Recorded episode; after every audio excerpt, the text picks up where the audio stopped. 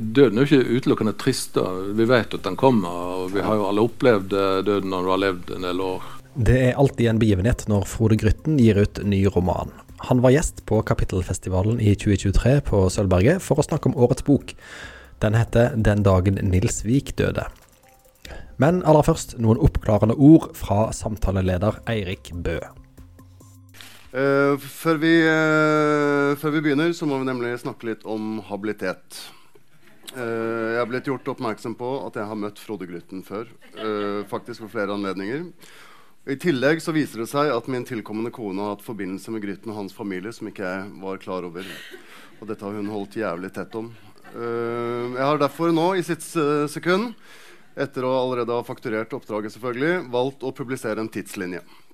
Uh, og den er som følger. Uh, midt på 70-tallet drakk min tilkommende svigermor Ingvild Kleppestø, født 1950 i Odda, gift Thorsen, opptil flere kopper kaffe med tanta til Frode på Domus, kalt Domusen, i Odda.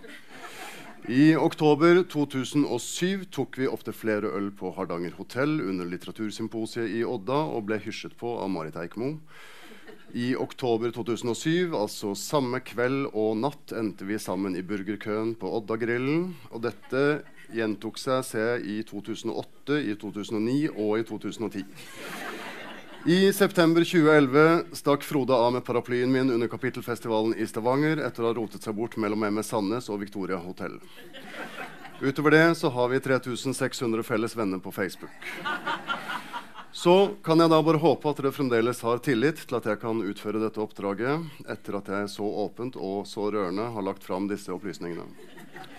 Men for å være helt sikker så har vi kontaktet Norsk Kritikerlags mest habile konsulenter. Og de har valgt å sende en delegat i, um, i uh, deres lett provoserende arrangementsserie 'Hvor god er egentlig?' prikk, prikk, prikk, sett inn en norsk forfatter. Uh, som skal gå Grytten litt nærmere etter i sømmene for balansen, habiliteten og den generelle følelsen av tillit sin skyld. Så da vil jeg bare gi scenen til deg, Arne Hesjedal.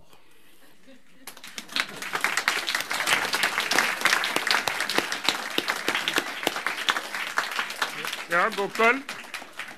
Uh, god kveld, god ettermiddag. Mitt navn er Arne Hesjedal. Jeg er tidligere redaktør i Hardanger Folkeblad. Eller Folkelappen, som man sier. Jeg har fått det ærefulle oppdraget her eh, på Kapittelfestivalen 2023 å utgreie hvor god er Frode Grytten egentlig.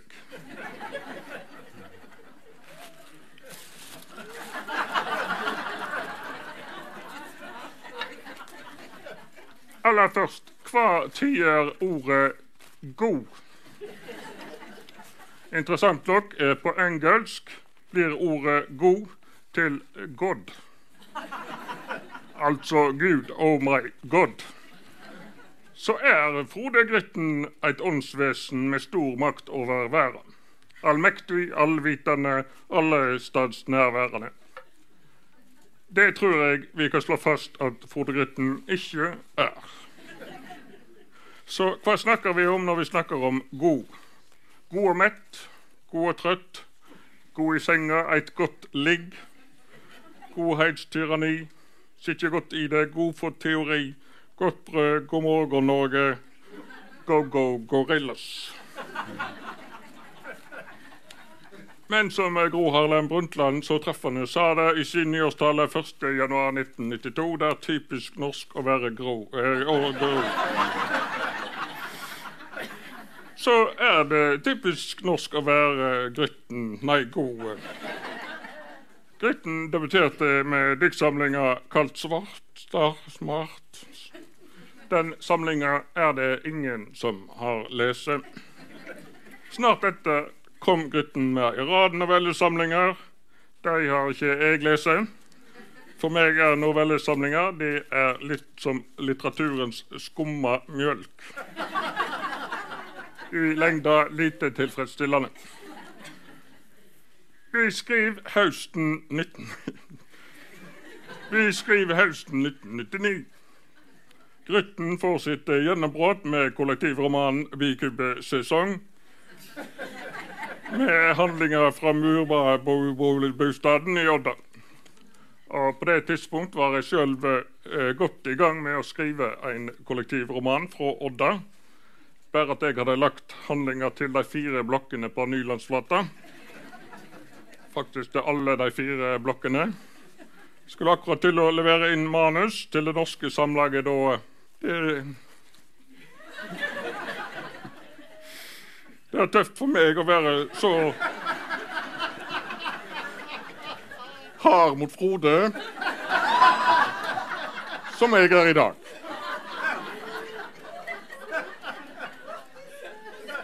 Flere novellesamlinger. Eh, Gretten skriver en elendig krimroman, 'Flytende Bjarne', som han vant Rivedalsprisen for. Og på det tidspunktet hadde jeg sjøl. Mer skummamjølk. Helt OK bøker. Terningkast tre. Ikke lese dem. I 2016 kom Grytten med enda mer skummamjølk, men som ingen trenger. Da må vi spørre oss sjøl er Grytten en av dem. Mange vil si det. Vil jeg si det? Nei, jeg vil ikke si det. Vil jeg tenke det? Nei, jeg vil ikke tenke det. Men vil jeg tenke litt på det? Ja, definitivt. Eh, Siste boka til Grytten er den dagen Nils Vik gikk på en kjempesmell. Er det en god roman? Er det en dårlig roman? Her vil de lærde si vi må ha to tanker i hovedet på samme tid. Så hvor god er Grytten egentlig? I klesveggen til dømes. Der må vel gutten være Norges mest kjedelige mann. Han er heller ikke stor på SoMe eller Metoo. Han er ikke på Facebooks, Instagrams eller BikBok. BikBok.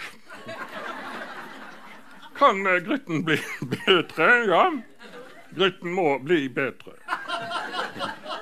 Mye bedre. 60% bedre, vil mange si. 70% vil mange si. Fuck Grytten, vil mange si. Og det vil ikke jeg si, men det jeg vil si, eh, har jeg allerede sagt. Tusen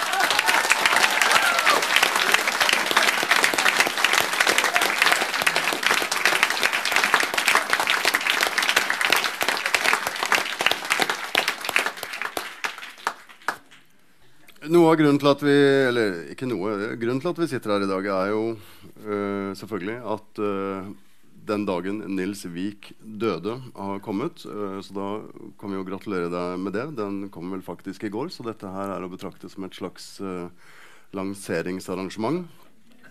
Eller Nils Vik the Musical, som det fort kan utvikle seg til. Men vi skal få tid til litt prat også. Nå har jo vi kanskje gitt noen en slags tro på at dette her skal bli morsomt. Uh, det er vanskelig å unngå, men, uh, men det, det, skal det jo overhodet ikke. Um, uh, dette er jo en liten bok om døden. den heter altså 'Den dagen Nils Vik døde'. Det er jo dermed også en bok om, om livet. Da, spesifikt livet og døden til Nils Vik. Og første setning lyder Kvart over fem om morgenen åpna Nils Vik Augo, uh, og den siste dagen i livet hans tok til. Så dette med døden er jo ingen stor spoiler. Uh, det, kan vi, det, kan vi, avsløre med en gang. Uh, og Nils Vik han bor ved en fjord, slik man gjerne gjør, både i livet og i dine bøker. Og han er noe så konkret og symboltungt som en ferjemann. kanskje du kan fortelle litt om hvordan karakteren Nils Vik dukka opp? Hvordan ferjemannen er kobla til ditt liv? Ja, det er ganske enkelt. Eh, morfaren min var skissportfører eh, med ferjemann. Han eh, bodde i Ølve i Kvinnherad. Så han drev altså skissefolk over Hardangerfjorden. Eh, mye til Rosendal og Husnes. Eh, mann og kvinne. Unge og gammel. Leger, prester, jordmødre, vanlige folk. Så det var egentlig jobben hans. da. Så jeg har jo vokst opp med en morfar som uh, var ferjemann, da.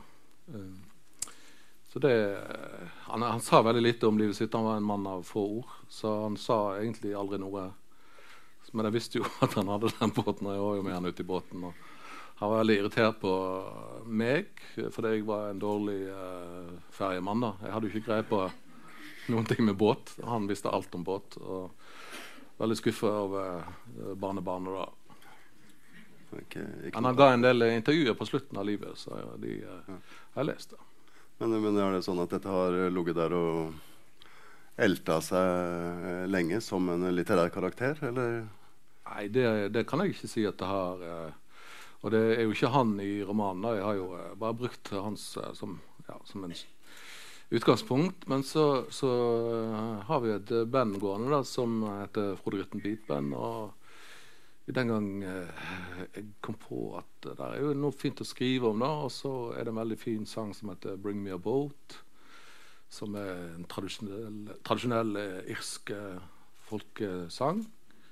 Men som da Kate Rusby har lagd en veldig fin versjon av. Og så har vi brukt den noen ganger, eh, og Arnlaug eh, Børsheim i bandet synger den så fint. Og så tenkte jeg at uh, da skriver jeg en liten tekst om morfaren min, Fredrik Moss. Uh, og så bruker vi den sangen. Og så lå dette Det lå og ulmer litt, da. Mm. Den sangen. Og når du har skrevet noe, så er det jo ofte at du tenker Er det noe mer her? Eller du tenker at uh, ja, her har ikke liksom tatt ut alt potensialet. Og det slo meg etter hvert at ja, det er jo en veldig fin figur. Det er en veldig mytisk figur, og det er veldig mye av uh, ferjemannen i litteratur og alle steder populærkulturen. Men det er jo òg et helt fysisk, konkret yrke. Mm. Og morfaren min var jo det, da. Så han drev nå ute på fjorden der helt, var, helt fra han var 14 år. Det var vel første gang han alene uh, kysset presten over fjorden. Og presten var vel ikke helt uh, lykkelig med at en 14-åring skulle gjøre det. da denne sangen her går jo litt som et ekko gjennom boka. Eh, når man både har hørt sangen og lest boka, så kjenner vi igjen eh, visse segmenter. Eh, og du sa vel at teksten var, det, det, føles som, som en slags sånn heder til uh, ferjemannen i morfar. Og så føler jeg at boka på mange måter kan leses som uh, hedring av arbeidet på veldig mange måter. Uh, en hyllest til arbeidet, og, og, og, også arbeidet i landskapet. for å koble inn det. Uh, fjorden er et arbeidssted og ikke et postkort i, i, denne boka. Det er et litt sånn viktig motiv. Ja. Um, det er kanskje noe litt sånn hardangersk uh, impuls der. Jeg ville ta landskapet tilbake fra Song of Norway og epleblomstring og fjordromantikk. Som sånne ja. austlendinger eh, og journalister kan finne på. Ja. Og, dronning Sonja. Og dronning Sonja, ikke minst. Nå har jo heldigvis Märtha tatt Geiranger istedenfor. Ja. Så sliter, sliter med helsa. Ja. Fordele fjordene greit mellom seg. Ja, jeg har jo vokst opp eh, innerst i Sørfjorden. i det som en kaller for hovedstaden i Hardanger. Men jeg har alltid tenkt på Hardanger. Jeg aner ikke hvor det er. Eller hvor er Hardanger, egentlig? Sant? For det at uh, Når folk snakker om Hardanger, så er det nasjonalromantikken, og så er det hardingfeler og bunader, og det er sol, og det er epler. Og, men det er jo aldri det inne i Hardanger. Mm. Det er liksom en dag i året, kanskje. Da er det der. Og så er det på hotell Ullensvang på Loftus. Mm. Der er Hardanger, liksom. Uh, overdriver jo litt, men uh, det, det finnes så, så mange Hardanger. Og så, nå kjørte jeg uh, fra Voss ganske nylig, eh, i august. Fra Voss og så inn til Odda, for det dødsbo der etter min far. Og så jeg skulle hente noe. Så kjørte jeg til Bergen igjen. Så jeg kjørte gjennom egentlig hele Hardanger. Og jeg så ikke et menneske. Det var ikke et menneske der. Og det var liksom rett før det skulle bli sånn regnstorm, og det holdt jeg på å kjøre meg inn i på slutten av turen. da. Men da får du sånn inntrykk av det der utrolige landskapet altså, sånt som er så vilt og ugjestmildt på en måte. Hardt, eh, men òg utrolig vakkert. Og sånn metallisk lys over det. og Regn og uh, sol på samme tid. Og så kjøpte du moreller langs veien. Det var ikke et menneske der eller, som var sjølbetjent. sant?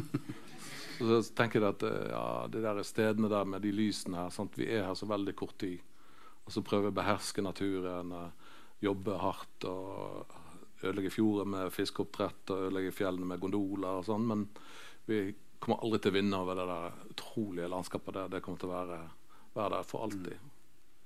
Og Nils Wiik han, han, han, sitter jo og ser på dette landskapet.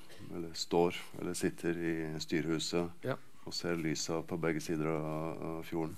Og så, så, er det en del andre altså, Du er veldig klar på dette. Der, jeg fant et par eh, sitater. Eh, du skriver f.eks. Eh, ja, Dette er noen journalister Men de så, så ikke arbeidssida av landskapet. Det grå, det tunge slitet, kampen, hverdagen denne enestående menneskeskapte staden forma av glemte arbeidsfolk. Eh, det er bare én av, av, av, flere passasjer. Forbi folk var fjorden en illusjon, et rekreasjonsområde. Altså den typen setninger. Er det, det, det, er, det, er det, kanskje også litt sånn uh, Odda-impuls? Altså det, det, å det å, å, se dette illusjonsbildet Hardanger mens du sitter i, med murboligen og smelteverket, som på en måte er en annen virkelighet, arbeidsvirkeligheten. Ja, jeg skrev vel sjøl om at uh, Odda var feilsting i Hardangersømmen. Mm. Og disse stedene eksisterer jo der òg parallelt. Sant? Altså Ålvik, og så har du det oppe i Sogn og Fjordane, inni Sognefjorden. Og, Eh, men òg eh, selvfølgelig eh, gardsbrukene og alt det der. Og så prøver nå, nå å bytte ut disse som har bodd der fast og gjort det der harde slitet med hyttefolk og turister og Airbnb.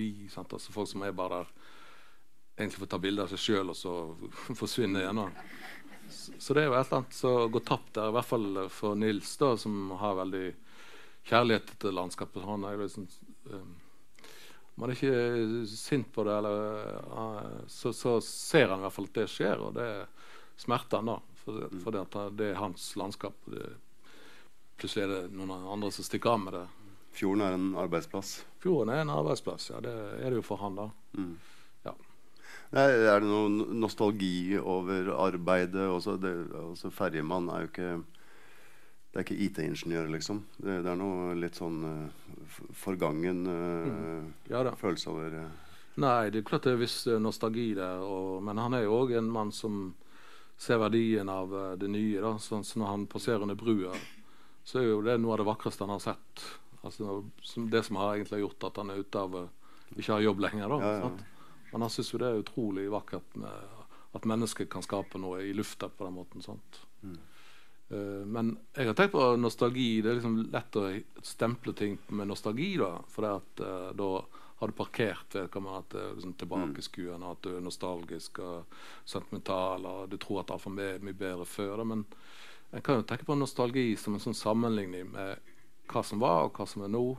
Og hva er det vi har mista, og hva er det vi har vunnet. da Så det driver jo han òg med, et slags refleksjonsarbeid over det innimellom, da. Ja, det var egentlig sånn jeg tenkte nostalgi her. Altså over verdien av arbeid, på en mm. måte. Ja. ja. Og så er det jo sånn at mange av turene hans går til byen. Og da Nå mm. det, står det jo ikke at det er Hardangerfjorden eller at det er Bergen, men det ligger litt implisitt at det er det. Og han er jo etter hvert veldig glad i byen. da, Å gå i byen og spasere i byen. Og, se byen utfolde seg som han, han sammenligner det med en sjøanemone som folder seg ut foran med alle gatene og folkene mm. og livet. da. Så det er jo ikke en mann som er sånn entydig bygdis eller bare tror på én ting. Det gjør han ikke. Så i tillegg til dette um, ferjemannmotivet som er veldig konkret, som er arbeid og levd liv, så er det det litt mer symboltunge eh, delen av ferjemannbildet. Karon som henter de døde over Styx og Akron, og, som skiller de dødes og levendes verden. Og, og, det motivet blir jo også helt konkret i boka. Det er jo nærmest dette motivet du har brukt for å strukturere hele fortellingen. Altså På nå, nåtidsplanet i boka, da, da, den dagen Nils Vik dør, så, så, er det alle hans tidligere passasjerer, de døde, som skal innom båten. Ja. Det er det. Og um hva skal jeg si om det? jo, det, er jo det, det blir jo en, det er en anekdotemaskin, da, på en måte. Ja, ja. Det blir jo eh, måter å få fortalt uh, ja, det er det. Og folks liv på. På et vis er jo uh, tittelen på boka 'Den dagen Nils Vik døde' Jeg trenger ikke jeg trengte jo egentlig ikke å skrive den, for det er jo egentlig det som skjer. Det er jo hele, hele greia. da, Men jeg har kanskje vært litt kjedelig. Det klarte seg egentlig med sangen. ja, det klarte seg med sangen. Men uh, um, det er jo sånn at uh, døden òg gir mulighet for å se tilbake på et liv. og som han nå tenker at han ærer det livet som har vært, og de folkene han har møtt. Uh, så det er hans prosjekt at han skal gå denne ruta, eller de faste rutene. Og så skal han da ja, ha et slags minnearbeid, da. Hva livet hans har vært, og hvorfor det ble sånn som det ble. Og kanskje en del som han har usnakka med, som dukker opp i båten òg.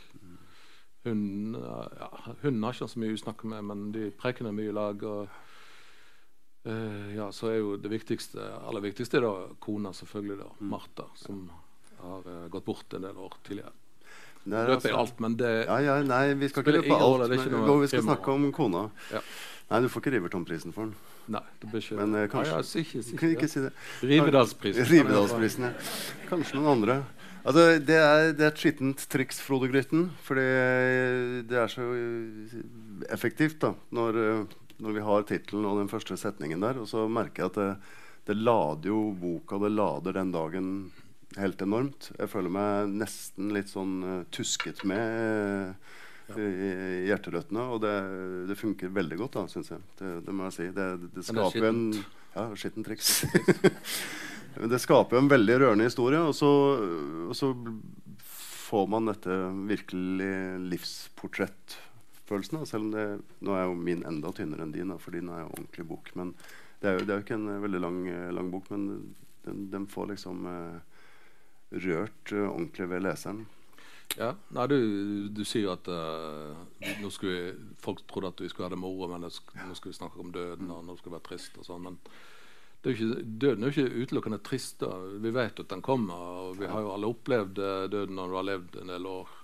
Og en vet jo når en har levd noen år, så har han jo fulgt sine foreldre inn i døden, kanskje, og, og, venner, og kanskje noen som dør tidligere. Men de som eh, generasjonen over deg, når de dør, er jo ikke det utelukkende bare at eh, det er utrolig trist og det er utrolig vemodig, du skal aldri snakke med dem igjen. Men eh, det er jo òg det i døden så um, så gjenopplever du livet deres, og du hyller dem på en måte. Du går gjennom hva som har vært fint med dem, og du snakker fint med, om de, og eh, ja, mange holder tale til de, og kanskje en tale som de skulle holdt før de døde. Men uh, det er jo noe, noe, veldig vakkert med det òg, som er forsøkt å tatt inn i denne boka. Ja, jeg merket at jeg begynte, etter hvert leste boka med en sånn veldig kraftig dødsbevissthet. da på en måte. Som ja, ikke var ubehagelig, men den var, ja, den var det er bra, for da, det, Jeg har vært på seminar i dag og hørt om håpet. og ja. Svendsen har snakket om dette. og det, Dødsbevisstheten gjør jo at du tenker gjennom hva er det som er viktig for deg, og hva du bryr deg om i livet. ja, det, det, det, det var den følelsen boka ga. Ja. Eh, og så opplevde du jo uh, trenger ikke å snakke mye om det, men du opplevde jo nettopp at som du sa, du skulle i et dødsbo her i stad. Altså at uh, du sitter med denne teksten og jobber med den, og så dør, dør, din far også. Det må jo ha Hadde innvirkning på boka, eller var det ferdig? Nei, det var for så vidt ferdig. Så det var egentlig bare slutten, eller sånn sluttarbeid med mm. Gå gjennom om alt stemmer, og litt korrekturarbeid og språkvask og sånn. Og så det er jo ikke sånn at jeg har planlagt det, men det er så rart når du skriver bok om døden, en mann som dør, og så avslutter du arbeidet på dødsleiet til faren vår. da. Uh, og Jeg hadde jo tenkt at han skulle lese den, da. men uh, sånn ble det nå ikke. Og, så da har jeg dedisert den til han istedenfor, at han fikk denne boka. Ja. Så jeg skulle ønske at han hadde fått lest den. Men den ble 97,5, så det var en solid, en solid alder. Solid alder. Um, det Nils Vik uh, gjør, han legger ut i båten og plukker opp uh, først eller, Hun, Luna, kommer, kommer, med i båten. Den ble jo påkjørt for mange herrens år siden. Og det plukker opp folk som har berørt han opp gjennom livet. Og dette uh, Han henter på en måte minner ut uh, Eller blir ansporet av denne loggboka hans. Denne boka blir jo en slags speiling av ja. loggboka hans, hvor han har notert ned alle han har henta gjennom et helt liv siden han var guttunge. Fra presten, som du sa, eh, som 14-åring. Mm. Eh, eh, Det, det, er, det, er, liksom igjen da, et sånn strukturerende prinsipp som du, du, har brukt. Ja, det er jo nesten ingen uh, rekvisitter der da, i den Nei. boka. Så det er en, en, en rekvisitt måtte jeg ha for å få opp dette minnestoffet. Da han sjøl uh, bruker det loggboka aktivt mens han er på sin siste reise. Mm. Der han går gjennom hvem han har hatt om bord, og ikke minst uh, hva han har tatt uh, betalt. Det er jo viktig. en viktig del av arbeidet. Ja. ja. Det er jo to kjærlighetshistorier i denne boka, på en måte. Eh, det er en stor kjærlighetshistorie til kona Martha, som er veldig rørende. Og så ligger det en slags utroskap i arbeidet der eh, med den andre Martha, båten. Eh, det er, en del klaging på at han eh, skal i båten hele tida. Ja. Og hun er i tillegg litt irritert på at han har kalt båten for Martha, for sikkerhets skyld. Ja. Ja. Han har da, kalt båten sin for MB Martha, noe som hun ikke liker, da, selvfølgelig. Men han, han legitimerer det med at uh, så når han ikke er med henne hjemme i huset, så kan han fortsatt være inni henne, da, som han sier. Som, han syns det er litt morsomt, men hun syns kanskje ikke det. da. Og så er det en, det er en kjærlighetshistorie som, eh, som eh, Ja, det er, det er et, et, livskjærlighet, og det, det er rørende. Og, men det er også en historie som har flo og fjære, som, som fjorden. Ja da, det er jo en livslang kjærlighet mm. mellom de, og det som du sier, går det jo litt opp og ned, selvfølgelig. Men uh, jeg syns det er mer interessant å skrive om sånn, den type kjærlighet uh, når vi ofte får det servert i populærkultur eller i uh, på Netflix eller TV-serier og filmer, så er det jo ofte det som ikke er kjærlighet, men forelskelse og spiren til det som kan bli kjærlighet. Altså mm. begjæret eller det som stormen og bruset. Men uh, det interessante er jo kanskje når uh, det har lagt seg, og hva skjer et etterpå. Hvordan forvalter en den, den følelsen og den kjærligheten gjennom et helt liv, da, som de to gjør. Mm. Ja, den, den, føles veldig eh, ektefølt i boka, sett på en veldig rørende måte. Eh, ja, takk. Ja, det, det, skal du faen meg ha. ja, kan få det skriftlig? ja. Du har det skriftlig her. Ja. ja. Uh, vi må Tida går fryktelig fort her. Vi må snakke litt om inspirasjoner. Uh, du har uh, utstyrt boka med en navnliste, så å si. Skrevet i dialog med, og så en rekke navn. Noen av de kjenner jeg igjen, sånn som når et kapittel begynner med 'Så seint det var så seint'. James Calman. Du, du, du, du, liker, du liker å på en måte omgi deg med inspirasjonskilder, om de er musikalske eller litterære. Du bruker det veldig aktivt, som en del av alt du gjør. Ja, jeg tenker at det, jeg både liker det og syns det, er OK. For jeg kommer ikke fra en eller annen øde øy eller tenker at jeg er et geni eller sitter alene inne i skogen og kom på dette. Jeg kommer jo på det fordi jeg har vært uh, glad i å lese, glad i å høre på musikk og se film. Og, så det er jo si takk til de som uh, har gitt meg uh, muligheten til å skrive sjøl. Og det ligger jo i ja, sånn kjærlighets en hyllest til de da.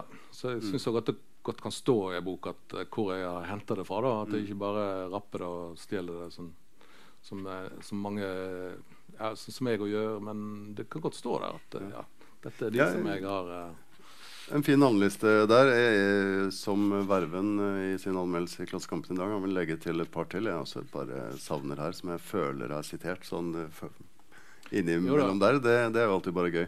Men, men når, du, når, du, opererer med en sånn liste, er det da eh, ja, Vi hadde et eksempel. Eh, 'Så seint det var så seint'. Det er jo en James Kelman-tittel som du siterer direkte. Men er det den typen direkte sitater, eller er det litt mer eh, åndelig brorskap eller ja, sånne ting du så, så, er det jo sånn eh, Du stjeler jo her og der, sant? og da ja. må du jo uh, gi kreditt til de som du har stjålet fra Selvfølgelig for å unngå å havne i rettssak og, sånn, men uh, Nei, det, det, varierer, det, da. Altså, mm. Du har jo helt rett. altså Kelman er jo direkte sitert. Og, men han, han fins jo inni der som en større inspirasjonskilde òg, mm. da. Sant? Mm. Den der eh, monologiske måten han skriver på, mm. og, og ja, det derre sånn uh, Han er jo fra Glasgow. da Kjenner igjen uh, liksom, stemmen og tonen og melankolien og Mm. sinnet. og- som, Så, ja, så han var liksom en stor eh, inspirasjonskilde for meg. da Traff han faktisk en gang. Da Ja. var vi på en novellefestival i Kroatia. Og da var vi de to eldste. Så andre, de, alle de andre de drev og drakk og sjekka opp hverandre. Og sånn Og vi satt og Ja, vi drakk, vi, ja, men vi satt og preikte. Jeg og han. Så det var et høydepunkt. Det er stort. Ja. Ehm, og så er det de musikalske inspirasjonene. Og det, det har på en måte eh, fulgt deg gjennom hele forfatterskapet, føler jeg. Du liker å skrive om musikk, du liker å skrive med musikk. Du liker å lese til musikk. Eh, veldig aktivt med. Denne boka, som du sa, kom jo nærmest seilende ut av, ut av en sang. Ehm, og så føler jeg at du, at du har eh, det, det er noe jeg nesten forbinder mer med liksom, eh, den pubertale ungdommen. Ikke da ment negativt på den måten, men den der følelsen av at musikken plutselig kan uttrykke følelsene dine. Mhm. Er det, er det litt det du, du bruker? Altså at du, du tar de med som en, noen som sier noe av det samme som du prøver å skrive? Eh, Det var, et vanskelig spørsmål, men eh, når du skriver, og i hvert fall når du skriver om en uh, skipsbåtfører ute på en fjord som eh, helt opplagt ikke er Frode Grytten sant? Eh, Det er mange som skriver om seg sjøl. Ære være de for det. Hvis de gjør det veldig bra, så syns jeg det er helt topp. Men eh, jeg har ikke noe lyst til å holde på med det. Eller syns ikke at jeg er så veldig interessant, egentlig. Jeg, det er noen som syns at jeg er interessant. Det er jo interessant. Men, eh, men eh, så når jeg skal skrive, så må jeg jo et annet sted. Sant? Det må du jo kanskje uansett. Og da må du jo forsvinne til det stedet. Og da er det mange ulike måter å gjøre, det på, men det enkleste er jo musikk. Mm. Sånn at når jeg skriver, og etter, etter hvert når jeg vet hva jeg skal skrive, sånn, så lager jeg jo spillelister, og jeg lager musikk som, eller jeg lager musikk rundt omkring som jeg vet at jeg kan bruke til det. da så eh, jeg har laget spillelister som jeg tror forlaget skal offentliggjøre, som heter den boka her. Som jeg har brukt sånn aktivt, For det musikken kan gjøre, som kanskje ikke en bok eh, kan gjøre, eller som ikke en film kan gjøre, det at den treffer det sånn umiddelbart, emosjonelt. Sant? Det trenger ikke gå gjennom hodet. Du føler det på kroppen med en gang. Eh, en slags hensettelse, da. Sant? Det er jo det vakre med musikk. Den treffer de smertepunktene i kroppen din eh, eh, og gledespunktene òg.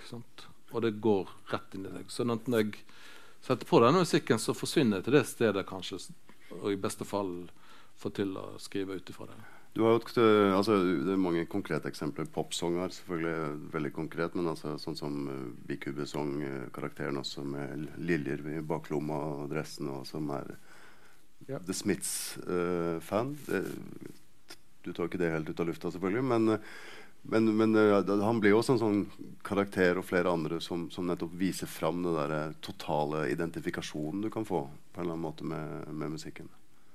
Ja, øh, i hvert fall for min generasjon. Da. Jeg tror kanskje det endrer seg med neste generasjon, at de har mindre av det. Da. Men for meg var jo det Jeg måtte finne ut hvem jeg var på. da sant? Når jeg kommer da med Roxy Music og David Bowie-plater på ungdomsskolen, og alle skal høre på heavy rock, eh, og kommer med det der eh, homodritet ditt, eller sant? Ja, de, de likte det jo ikke, sant? men det gjør at jeg skjønner at ja, Det er jo ingenting som er, Det blir jo enda mer identifiserende hvis man står aleine om det. ja. Ja.